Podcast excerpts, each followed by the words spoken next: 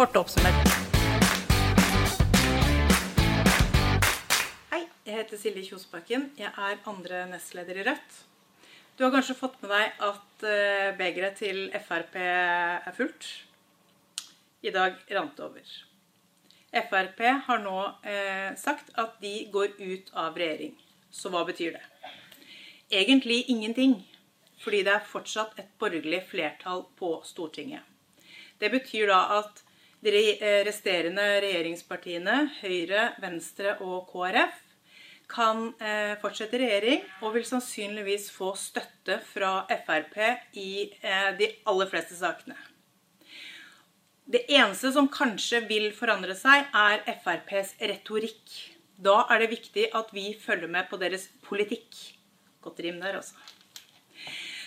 For ikke, det som ikke kommer frem på skrytelista til Frp på hva de har gjort i regjering, eller hvilken politikk de har, det er jo f.eks. at de har privatisert jernbanen.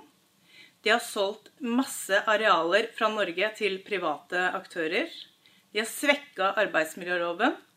Og de har gjort det verre for de som har minst.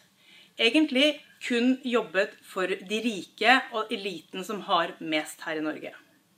Så folkens, dette er egentlig ikke en dag å juble på.